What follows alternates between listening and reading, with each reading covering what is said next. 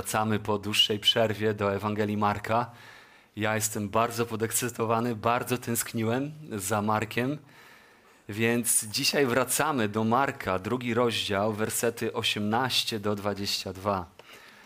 Marek jako skryba osobisty, personalny skryba apostoła Piotra spisuje dla nas historyczną relację z przyjścia Jezusa Chrystusa z Nazaretu na ten świat i Jego osoby, Jego dzieła, Jego tożsamości, Jego czynów i tego wszystkiego, co to wszystko ma wspólnego z nami.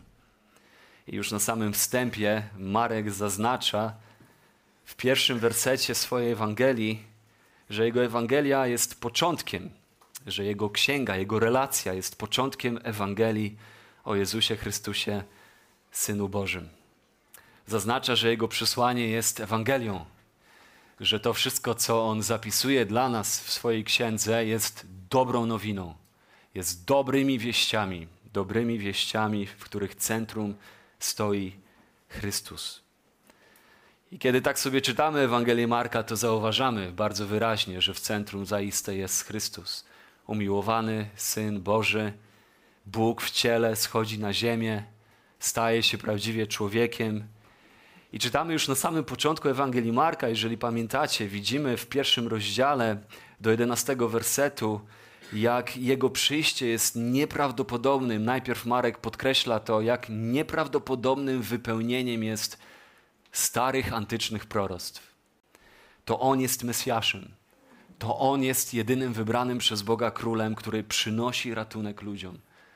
Nagle ma miejsce wypełnienie tego wszystkiego, ku czemu tęskniły serca ludzkie. Oto przychodzi Mesjasz, Król, Chrystus, wybrany przez Boga. I ta osoba Chrystusa, osoba Chrystusa, Jezusa z Nazaretu i dzieło Chrystusa, Jego Ewangelia, ta dobra nowina jest Ewangelią, dobrą nowiną o zbawieniu, które jest z łaski, które jest z łaski i jest absolutnie wyjątkowe. Jego Ewangelia jest absolutnie wyjątkowa, absolutnie nienaturalna dla intuicji ludzkiej. Nie jest to coś, co człowiek mógłby wymyśleć. Bóg przyjmuje ludzkie ciało, jest prawdziwie Bogiem, prawdziwie człowiekiem, dokonuje zbawienia z łaski zastępczej śmierci w miejsce grzeszników. Ta Ewangelia i osoba Chrystusa są kompletnie odrębne, absolutnie wyjątkowe. Nie da się tego wymieszać z żadnym innym systemem religijnym człowieka, z żadnymi innymi wierzeniami ludzkimi. Szczególnie kiedy weźmiemy pod uwagę to, że każdy system, ziemski system religijny, ludzki system, system ludzkich tradycji, ludzkich wierzeń, zazwyczaj sprowadza się do jednego wspólnego czynnika. Tego, że to człowiek w jakiś sposób próbuje zyskać drogę do nieba próbuje wspiąć się do nieba, czymkolwiek to niebo dla niego by nie było. Czy byłoby reinkarnacją, czy, czy byłoby niebem też w rozumieniu chrześcijańskim. To każdy fałszywy system, system zbudowany na ludzkich pomysłach, jest systemem, który opiera się na tym, że człowiek wdrapuje się do nieba. Opiera swoją ufność na poczuciu własnej sprawiedliwości, na poczuciu tego, że jest w porządku, że przecież jest dobrym człowiekiem, albo przynajmniej może być dobrym człowiekiem. I dzięki temu Bóg spojrzy na niego przychylnym okiem. I kiedy poznajemy Ewangelię o Jezusie Chrystusie, Ewangelię Jezusa Chrystusa, to nagle dowiadujemy się, że ona jest absolutnie inna. I że nie jest czymś, co można dokleić, czymś, co można wymieszać z systemem ludzkim. Nawet tymi systemami, które podawałyby się za chrześcijańskie ale opierają drogę zbawienia na wysiłkach człowieka i na uczynkach i na sprawiedliwości ludzkiej, takich jak prawosławie, jak rzymski katolicyzm, jak mormonizm, jak religia świadków Jehowy. I Chrystus nie jest czymś, co można po prostu dokleić, przyjąć, dorzucić, dołączyć do tego i utworzyć coś, co będzie współgrało, co będzie takim synkretyzmem, wymieszaniem jakichś tradycji, pomysłów ludzkich z tym, jak może Jezus wydaje się fajny. Więc jakoś go dokleję, dorzucę go, nazwę to chrześcijaństwem, ale tak naprawdę użyję tylko Chrystusa do tego, żeby stworzyć jakąś tam mieszankę czegoś.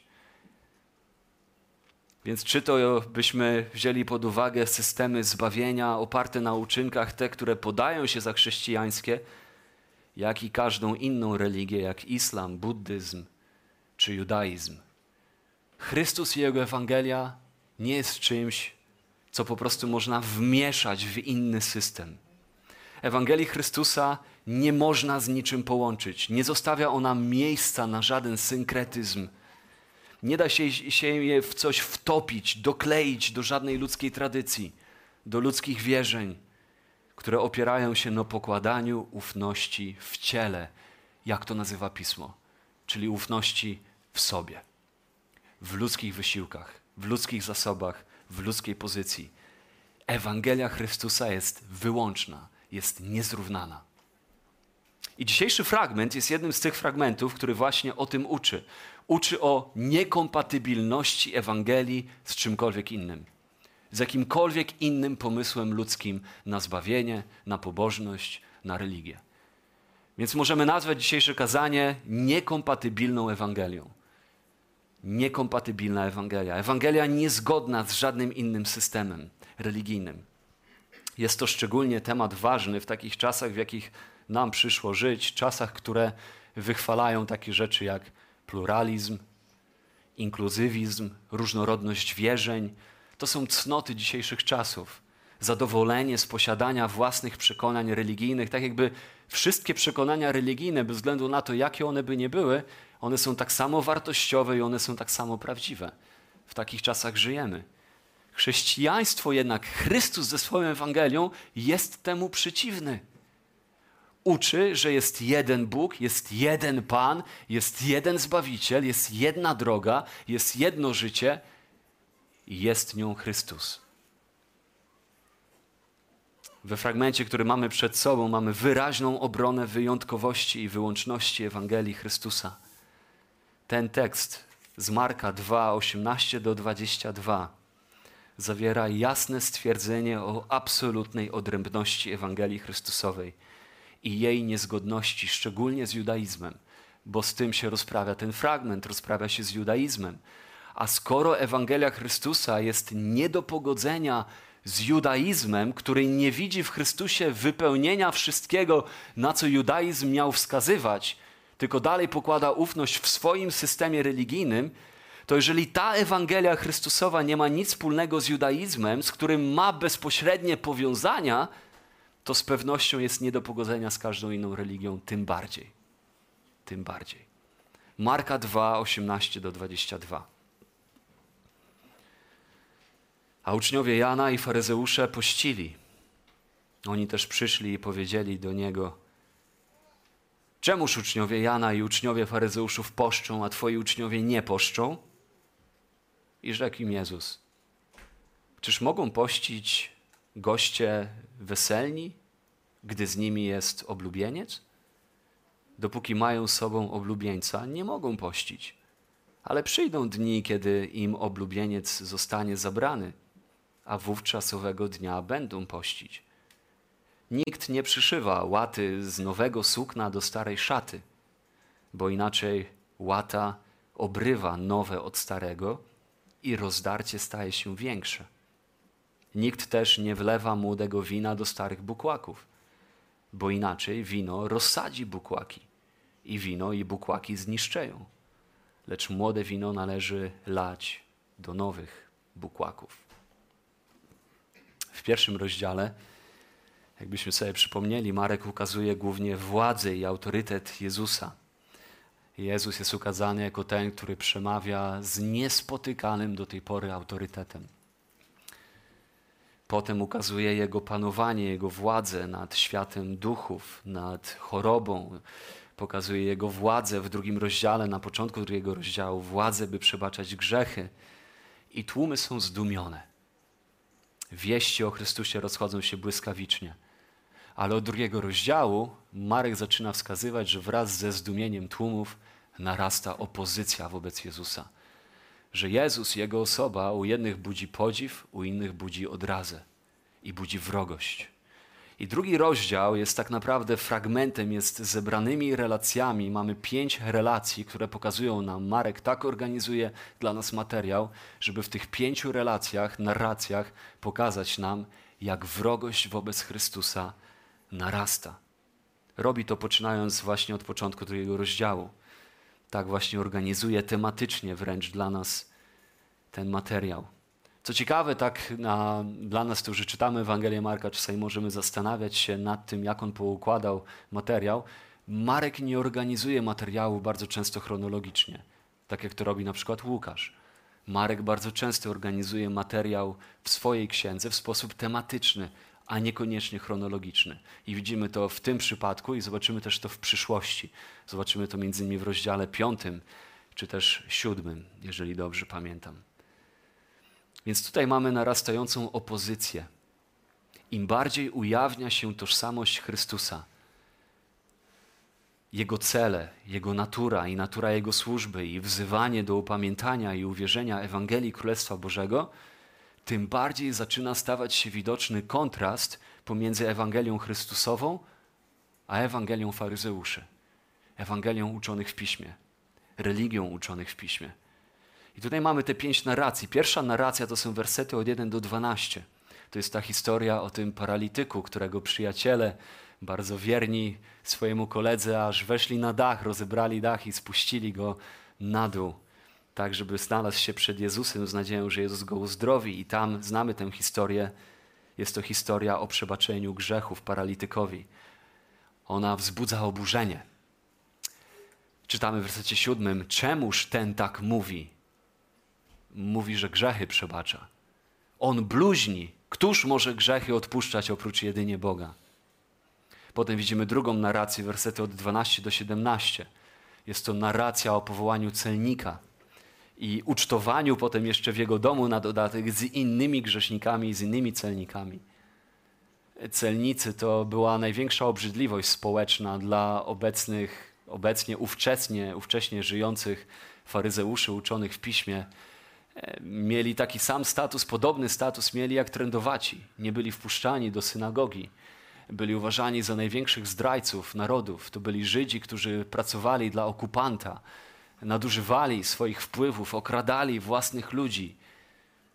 Społeczeństwo brzydziło się celnikami, a oto Jezus zatrzymuje się przy budce takiego celnika i powołuje go do siebie, a potem ucztuje w jego domu i pada pytanie w szesnastym wersecie: Czemu on jest celnikami i grzesznikami? Gdyby on był prawdziwie pobożny, on by się separował od takich ludzi. Potem mamy trzecią narrację, czy też czwartą narrację. Trzecia to jest nasza dzisiejsza. Czwarta narracja to są wersety 23 do 28.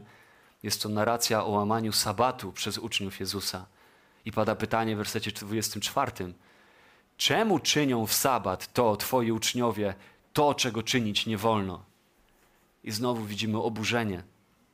I piąte oburzenie widzimy w trzecim rozdziale, wersety 1 do 6. Jest to ta ostatnia narracja o narastającej opozycji. Jest to historia o uzdrowieniu w sabat. I czytamy w wersecie drugim i szóstym. I podpatrywali go, czy uzdrowi w sabat, żeby go oskarżyć. Werset szósty.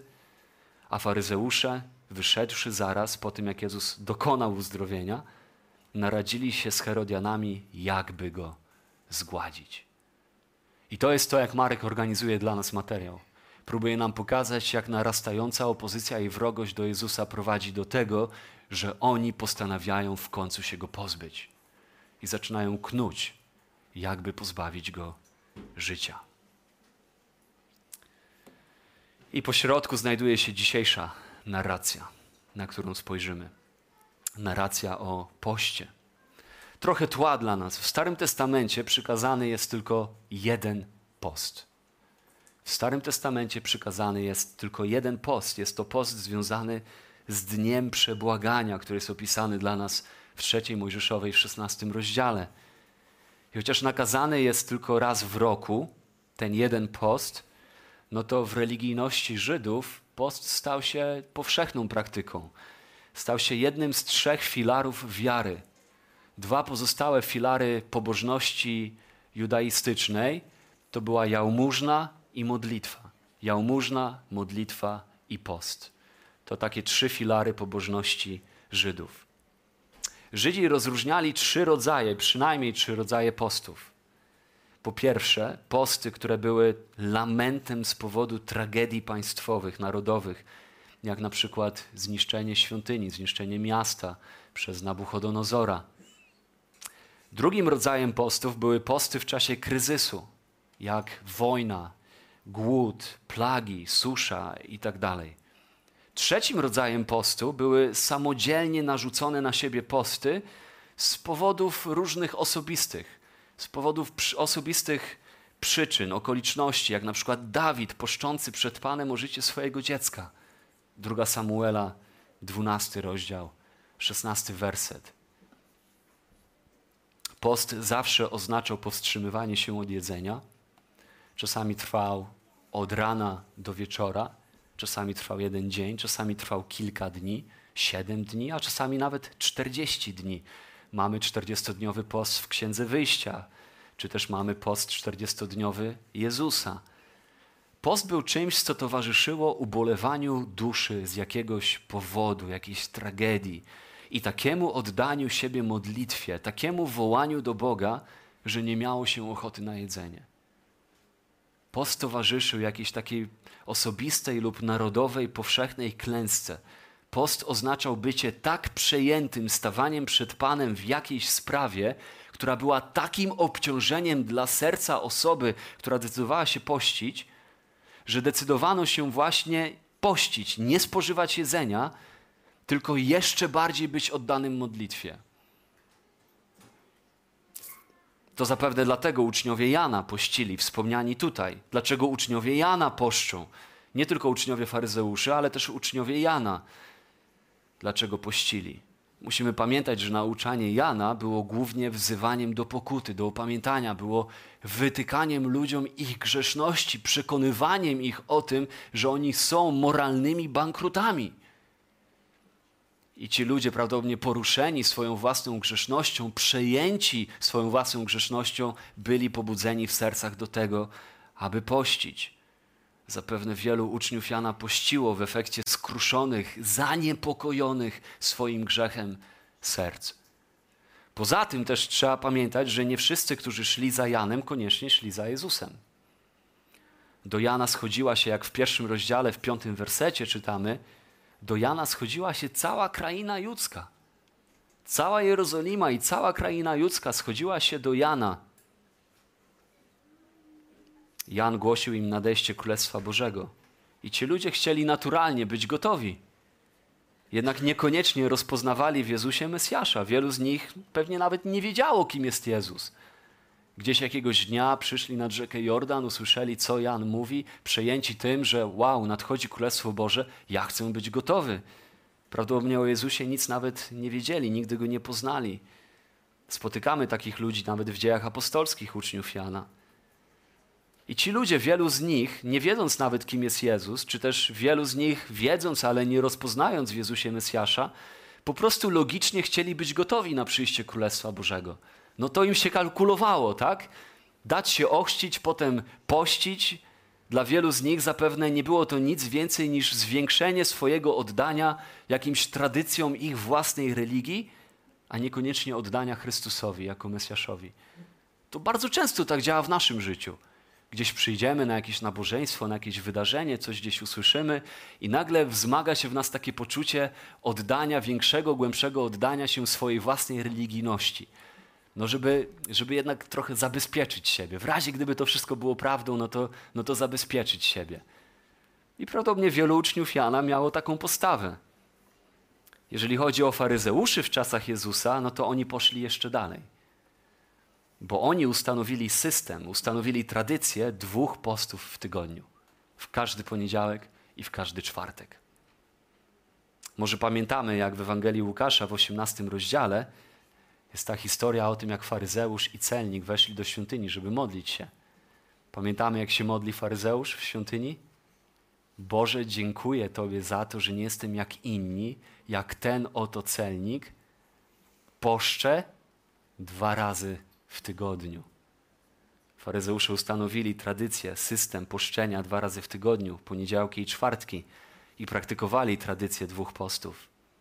Tylko, że nie miało to wiele wspólnego z sercem szukającym Boga, a więcej z oddaniem własnej tradycji doszukiwaniem się w tej tradycji poprawy swojego statusu przed Bogiem. Pompowania, nadmuchiwania swojego ego, ego, poczucia własnej pobożności i sprawiedliwości, bo przecież ja wypełniam tradycje, które na dodatek sam jeszcze sobie ustanowiłem. Ja zrobiłem to, to, to, odhaczy, odhaczyłem to, to i to. W takim razie Bóg musi być ze mnie zadowolony. Post stał się, między innymi post, stał się takim narzędziem dla nich poczucia, że są ludźmi, których Bóg szczególnie lubi, w których Bóg ma szczególne rozmiłowanie, no bo przecież są szczególnie pobożni, wyróżniają się na tle innych. Post dla faryzeuszy stał się narzędziem do pompowania ich własnego ego. Podobnie zresztą było w przypadku dwóch pozostałych filarów pobożności judaistycznej. Czytamy, mówi o tym Jezus w Ewangelii Mateusza w szóstym rozdziale. W szóstym rozdziale od pierwszego wersetu mamy wspomniane te trzy filary. Jezus wspomina jałmużnę, wspomina modlitwę i wspomina posty. I w szóstym rozdziale Mateusza, w drugim wersecie, w odniesieniu do dawania jałmużny, Jezus mówi: Gdy więc dajesz jałmużnę, nie trąb przed sobą, jak to czynią obłudnicy w synagogach i na ulicach, aby ich ludzie chwalili. Dlaczego Jezus o tym mówi? Bo to był rzeczywisty problem faryzeuszy i ich uczniów, tych, którzy szli za, tą, za tym samym rodzajem pobożności. To było dawanie jałmużny dla pompowania własnego ego, budowania swojego poczucia o swojej własnej pobożności, sprawiedliwości i pokazywania tego ludziom, że oto my jesteśmy tymi, w których Bóg ma szczególne rozmiłowanie. Zobaczcie, jak my rozdajemy innym. I to samo Jezus mówi w odniesieniu do modlitwy. Piąty werset szóstego rozdziału. A gdy się modlicie, nie bądźcie jako budnicy, gdyż oni lubią modlić się, stojąc w synagogach i na rogach ulic, aby pokazywać się ludziom. Dla nich te praktyki stały się jedynie narzędziem do tego, aby pokazywać swoją pobożność, aby pompować swoje ego, aby budować poczucie swojej własnej sprawiedliwości. I w odniesieniu do postu w szesnastym wersecie szóstego rozdziału czytamy: A gdy pościcie, nie bądźcie smętni jako budnicy, szpecą bowiem swoje twarze, aby ludziom pokazać, że poszczą. I w każdy poniedziałek, i w każdy czwartek faryzeusze wychodzili na ulice miast z posępnymi minami, aby każdy wiedział i widział, że oni poszczą. Chlubili się swoją gorliwością religijną, chlubili się swoim oddaniem tradycjom. Ich ciała pościły, a ich serca pozostawały niezmienione. Byli zaangażowani w religijność, w praktykowanie różnych tradycji, a serca pozostawały niezmienione, pełne pychy i obłudy. Ich posty wskazywały na nich samych. Miały udowadniać, jacy to oni są duchowi. Nie miały nic wspólnego z uniżeniem siebie przed Bogiem były częścią utworzonej przez nich religii polegającej na ciele. Religii polegania na sobie i na własnych uczynkach, na własnej sprawiedliwości. Religii, która była religią zakrywania grobów pełnych zgnilizny pobielanymi kamieniami. To jest to, co Jezus o nich powiedział.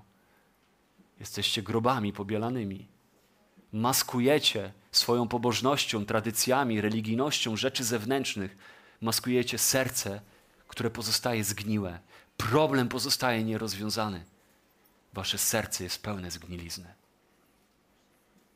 W każdym razie taka zewnętrzna, utworzona przez nich tradycja regularnego, cyklicznego postu była dla nich miarą pobożności, duchowości. I stąd pada pytanie: dlaczego twoi uczniowie nie poszczą? No bo skoro post jest miarą pobożności i duchowości, a wy się podajecie za duchowych, pobożnych i ty się podajesz za jakiegoś, jakąś tutaj ważną postać, która siebie stawia na równi z Bogiem, bluźniąc, że ma moc przebaczać grzechy, no to czemu w takim razie nie pościcie? Co ty masz wspólnego z prawdziwą pobożnością? Jesteś oderwany od prawdziwej religii. Dlaczego twoi uczniowie nie poszczą? I takie oskarżenie zasługuje na odpowiedź, więc Jezus udziela odpowiedzi, posługując się ilustracją. Werset 19. Czy mogą goście weselni pościć, gdy z nimi jest oblubieniec? Dopóki mają ze sobą oblubieńca, nie mogą pościć. Jezus mówi: Na weselu się nie pości. Ślub to święto radości. Przyjaciele pana młodego radośnie mu asystują, towarzyszą. Wesele wymaga ucztowania, a nie postu, a nie smutku. Co ciekawe, istniał nawet przepis rabinistyczny, który zabraniał poszczenia gościom weselnym. Dlaczego rabini musieli utworzyć taki przepis? No dlatego, że byli ludzie, niektórzy ludzie, będąc hipokrytami, chcącymi pokazać swoją duchowość, wesele stawało się bardzo dobrą platformą do pokazywania swojej pobożności tłumom. Więc przychodzili na wesele z posępnymi minami, ze smutnymi minami i mówili: Przepraszam, ja nie mogę jeść, ja nie mogę uczestniczyć w ucztowaniu, bo ja dzisiaj poszczę. Więc nawet przepis rabinistyczny został stworzony, że na weselu nie można pościć. I Jezus odwołuje się do tego, że kiedy oblubieniec jest wśród przyjaciół, oni nie poszczą. Jezus w ten sposób mówi: Ja jestem oblubieńcem. Ja jestem oblubieńcem. Moje przyjście jest powodem do radości, jest powodem do wesela. Ale wy tego nie rozpoznajecie, bo wy mnie nie rozpoznajecie. Macie swoje tradycje, macie swoją religijność, ale ona kompletnie rozmija się z duchową rzeczywistością, z prawdą. Co ciekawe, tym samym po raz kolejny Jezus stawia siebie na równi z Bogiem, z Bogiem Jahwe Starego Testamentu. W Starym Testamencie Mesjasz nigdy nie jest nazwany oblubieńcem. Dopiero Nowy Testament objawia go jako oblubieńca. Ale w Starym Testamencie istnieją wielokrotnie, pojawiają się obrazy zaślubin, które odnoszą się do tego, jak Bóg Izraela zaślubia dla siebie swój lud. Bóg Jahwe. Są te miejsca, możemy znaleźć u Izajasza, są też one u Ezechiela. Tutaj Jezus mówi: Ja jestem oblubieńcem. Oto Bóg Jahwe stępuje na ziemię, żeby zaślubić dla siebie swój lud, a wy tego nie widzicie. Dlatego nie rozumiecie, że to jest czas wesela i radości. Wy nie rozpoznajecie i nadal polegacie na swoich tradycjach, na swojej religijności. Budujecie swoje przekonania o swojej własnej sprawiedliwości w oparciu o swoje własne uczynki. A oto przed wami stoi Bóg w ciele. Oto Mesjasz, ratownik, zbawiciel jest pośród was. Faryzeusze nie rozpoznają Mesjasza, a nawet oskarżają go o to, że przychodzi od szatana. Czytamy to w innych fragmentach. Ich religia jest inną religią. Może wydawać się piękna, może wydawać się bogata w doświadczenia, w mistycyzm, w swe rytuały, w swoją liturgię, może wydawać się żarliwa, może wydawać się szczera w ich sercach, lecz jest skorumpowana i prowadzi do duchowego bankructwa. Jej końcem jest zatracenie. Lecz oto tutaj stoi Jezus. Oto stoi Mesjasz, Syn Boży, oto przed nimi prawda, oto życie, oto droga do Boga, oto Zbawiciel. Jego uczniowie powinni się radować. To nie jest czas na post, to jest czas na wesele. Bóg przyszedł swemu ludowi na ratunek. I werset 20 mówi: Ale przyjdą dni, kiedy im zostanie zabrany oblubieniec, a wówczas owego dnia pościć będą. Przyjdzie czas na smutek i post. Przyjdzie czas rozpaczy dla uczniów. Przyjdzie czas smutku dla uczniów, bo oblubieniec zostanie im zabrany. Do czego tutaj się może odnosić Jezus, mówiąc te słowa? Wydaje się, że odnosi się do swojej śmierci. Czasownik, którego tutaj używa Marek, mówiąc o tym, że zostanie zabrany oblubieniec, oznacza gwałtowne, nagłe wyrwanie. Nagłe, gwałtowne wyrwanie. Te słowa wydają odnosić się do Izajasza 53:8. W greckim przykładzie Starego Testamentu znajdujemy dokładnie to samo słowo tutaj, gdzie jest mowa, gdzie jest proroctwo o Mesjaszu, o tym, który przyjdzie zbawić swój lud. Czytamy tak, Izajasza 53:8. Z więzienia i sądu zabrano go, a któż o jego losie pomyślał? Wyrwano go bowiem z krainy żyjących, za występek mojego ludu śmiertelnie został zraniony. Ten zwrot, wyrwano go bowiem z krainy żyjących, to jest dokładnie ten sam zwrot, który znajdujemy u Marka. Wyrwany z krainy żyjących znaczy zabity. Zabity. Za występek ludu to znaczy że zabity zamiast nas.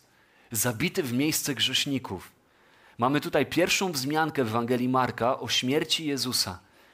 Jezus zapowiada, przewiduje swoją śmierć. On wie, co go czeka. On wie, po co przyszedł. Sam tam zmierza. Jego śmierć nie jest wynikiem tego, że był za słaby, że Żydzi go zabili, Rzymianie go zabili. On zaplanował swoje przyjście tak, by oddać swoje życie. Nikt życia mu nie odbiera, ale on kładzie życie swoje za owce. I on mówi: Przyjdzie taki czas, kiedy ulubieniec zostanie gwałtownie zabrany przyjaciołom. Będą oglądać jego ukrzyżowanie, jego śmierć. I to będzie czas, by pościli, by smucili się. Będzie to czas smutku dla uczniów. Będą mieli złamane serca i wtedy będą pościć. Prawdopodobnie to dlatego widzimy, jak po ukrzyżowaniu Jezusa uczniowie wiele razy są zasmuceni, przygnębieni, a Jezus w tych okazjach, kiedy ukazuje im się jako zmartwychwstały, Pan podaje im jedzenie. Jezus podaje im jedzenie. Mamy przykład na drodze do Emaus, kiedy spotyka się z uczniami, potem zasiada z nimi przy stole, łamie chleb i podaje im. On podaje im chleb. Możemy domyślać się, że oni sami nie chcieli wtedy jeść. Mamy taką samą sytuację nad Morzem Tyberiackim, kiedy Jezus idzie, uczniowie są na łodzi, łowią ryby, Ewangelia Jana, 21 rozdział. Kiedy oni są na łodzi, On na brzegu przygotowuje dla nich śniadanie i podaje im jedzenie. Mamy taką samą sytuację w wieczorniku, kiedy Jezus pojawia się pośród nich. Oni zaskoczeni tym, że On jest wśród nich, On zaczyna łamać chleb i znowu On podaje im. On podaje im jedzenie. Wydaje się, że to Jezus inicjuje spożywanie jedzenia, ponieważ chce pokazać im, chłopaki, ja wyszedłem z grobu, pokonałem śmierć, ja żyję, jestem wśród was, mamy znowu powody do radości, zwycięstwo dokonało się. To, jak pojmowali rzeczywistość judaiści, to, jakie oni rozwinęli tradycje, jak rozumieli pobożność, w czym pokładali nadzieję na zbawienie, na czym opierali swój status przed Bogiem – kompletnie rozmijało się z prawdą.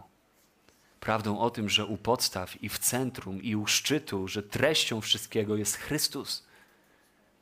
Rozpoznanie i uznanie Go jako jedynego wybranego przez Boga króla i zbawiciela grzeszników.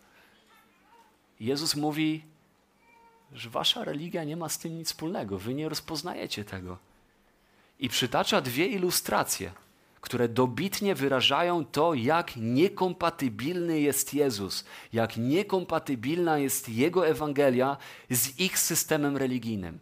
I co więcej, z jakimkolwiek innym systemem religijnym. Dwie ilustracje. Najpierw analogia o nowej łacie i starej szacie. Werset 21. Nikt nie przyszywa łaty z nowego sukna do starej szaty, bo inaczej łata obrywa nowe od starego i rozdarcie staje się większe. Kiedy kawałek nowej łaty z nowego płótna, które jeszcze nie było wyprane, które jeszcze nie było suszone, nie zbiegło się w żaden sposób, nową łatę przyszywasz do zużytej szaty. Szaty, która już wiele, wielokrotnie została wyprana, leżała na słońcu, jej włókna są osłabione, już jest skurczona odpowiednio. Kiedy przyszyjesz nową łatę do tego, to w momencie kolejnego prania e, ta nowa łata, kurcząc się, będzie rozrywać starą szatę, to do czego została przyszyta. Będzie dokonywać zniszczenia tego. Zniszczy to, do czego została przyszyta rytuały, ceremonie, tradycje ostępczego judaizmu, niedostrzegające wyjątkowości i wyłączności Chrystusa, są starą szatą, której nie można załatać kawałkami Ewangelii. Wzięciem sobie czegoś z Ewangelii, jakichś elementów, czegoś z Chrystusa, co wydaje się fajne, miłe, co będzie fajnym dodatkiem do moich tradycji, do mojej religijności. Jezus mówi, jedno z drugim jest kompletnie niekompatybilne. Jedno jest stare, jedno jest nowe. Potem mamy drugą analogię o nowym winie i starych bukłakach. Werset 22. Nikt też nie wlewa młodego wina do starych bukłaków, bo inaczej wino rozsadzi bukłaki i wino i bukłaki zniszczeją, lecz młode wino należy lać do nowych bukłaków. Kiedy zabijano kozę, brano skórę, wyszywano z tej skóry swego rodzaju dzbanek, pojemnik, szyto dziubek, zaszywano miejsca, gdzie były otwory, robiono z tego rodzaju swego rodzaju worek z tych rzeczy. Wlewano tam wino, żeby fermentowało się ono przez jakiś czas. Osady z tego wina gromadziły się na dole. Przelewano to wino do kolejnego, nowego bukłaka. Znowu przelewano do kolejnego, aż otrzymywano czysty roztwór, czyste wino. Czyste wino. Bez osadów.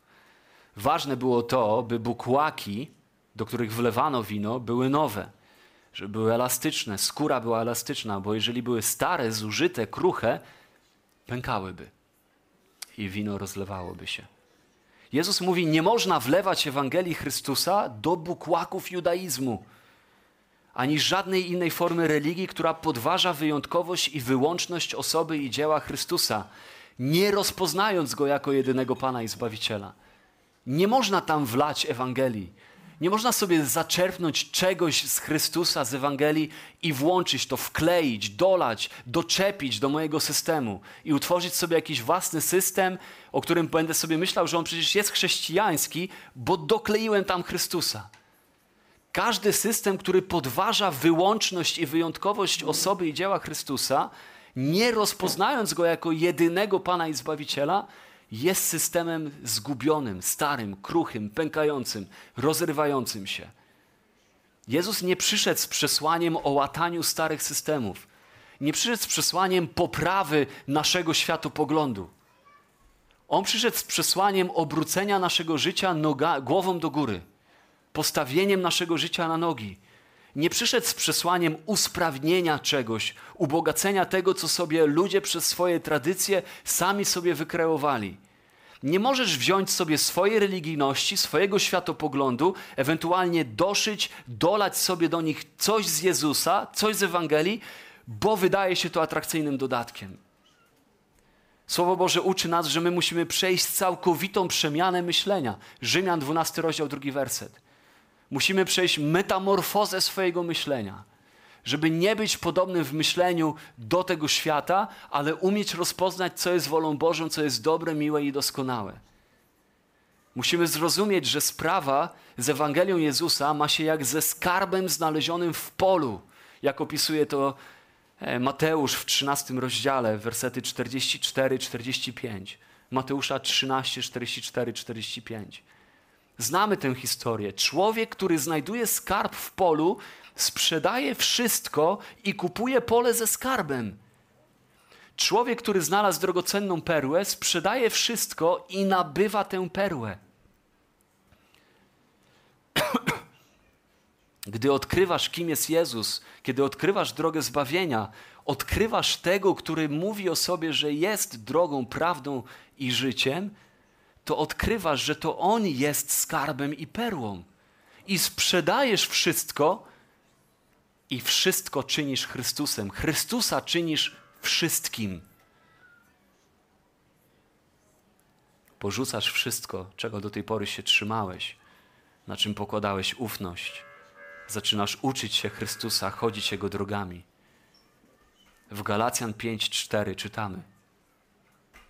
Galacjan 5:4 odłączyliście się od Chrystusa wy, którzy w przestrzeganiu prawa szukacie usprawiedliwienia, którzy w uczynkach szukacie usprawiedliwienia.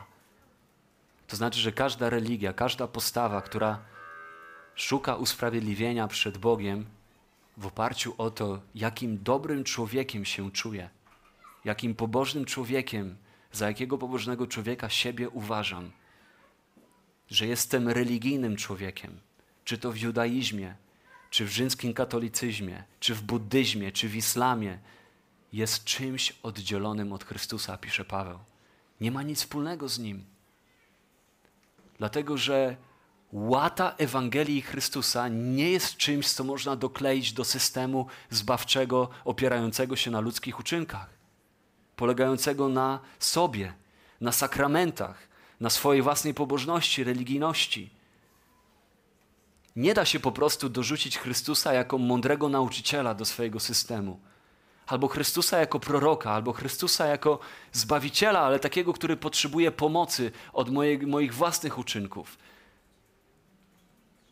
Nie można doszyć, dolać łaski do systemu zbudowanego na uczynkach. Chrześcijańska, biblijna Ewangelia, w której centrum stoi jedynie i wyłącznie Chrystus, Ewangelia zbawienia z łaski przez wiarę w Chrystusie jest nie do pogodzenia z żadnym innym systemem religijnym. Więc na koniec. Nie wiem, gdzie jest każdy z nas. Ale jeżeli myślisz, że możesz dodać Chrystusa do przyjętego przez siebie systemu, że doczepić go jako coś pożytecznego, coś atrakcyjnego i ubogacić swój system, swoją religię, swój światopogląd, to ten fragment mówi: jesteś w błędzie. Nie możesz tego zrobić. Musi nastąpić całkowita wymiana. Nie ma nikogo i niczego poza Jezusem, przez co człowiek mógłby być zbawiony. Nie ma zbawienia w żadnym innym imieniu. Faryzeusze odmawiali porzucenia swoich martwych, kruchych, starych, postrzępionych bukłaków i uznać Chrystusa za to, kim On jest i co przyszedł dokonać. Bardzo naturalne dla nas jest trzymać się tego, co jest stare, co jest nam znane. Mówić, ale ja zawsze tak wierzyłem. Ale tak się nauczyłem. Żydzi przekazywali swoje tradycje z pokolenia w pokolenie, z ojca na syna, z, z dziada pradziada. To wszystko było i, i jest mocno w nich zakorzenione. Pewne rytuały, pewne przekonania, ceremonie, zachowania. Nie da się od nich łatwo uwolnić. To widać też w pobożności Polaków, w światopoglądzie Polaków, bo te rzeczy w pewnym sensie stają się częścią naszego życia. I my zaczynamy pielęgnować zamiłowanie do własnej religii i do własnych tradycji. Niezainteresowani tym, czy czasem to, co przyjąłem, to, w czym mam zamiłowanie, czy przypadkiem to nie jest fałszem. Czy przypadkiem to nie ma wiele wspólnego z tym, o czym mówił Chrystus, co oznacza Jego życie, śmierć, zmartwychwstanie, co przyszedł uczynić i czego ode mnie oczekuje? Nie zastanawiamy się nad tym, czy nasz system, nasze tradycje, religie przypadkiem nie są zgubne dla nas, zgubne na wieki, czy nie są kompatybilne z Bożą prawdą i drogą ratunku dla człowieka. I tragedią jest to, że nie jesteśmy zainteresowani, kiedy ktoś zaoferuje nam coś nowego zbawienie, które jest z łaski, przez wiarę, tylko w Chrystusie, bo jesteśmy zadowoleni z tego, co jest nam znane. Bo przecież od lat pijemy stare wino, od lat chodzimy w starych szatach. Smakuje nam to, podoba nam się to. Więc kimkolwiek jesteś, oby nie okazało się, że wino, które pijesz, będzie dla ciebie śmiertelne. Jakąż tragedią będzie to, że trzymasz się starego tylko dlatego, że jest tobie znajome tylko dlatego, że ktoś Ciebie tego nauczył, nie zastanawiając się nad tym, jakiej prawdy uczy Bóg. Chrześcijańska Ewangelia jest Ewangelią Chrystusa, Syna Bożego, zbawienia, które jest tylko z łaski, przez wiarę, wyłącznie w Nim. Jeżeli trzymasz się lub polegasz na czymś innym, pójdziesz z tym do piekła. Zostaw to, sprzedaj wszystko i nabądź skarb.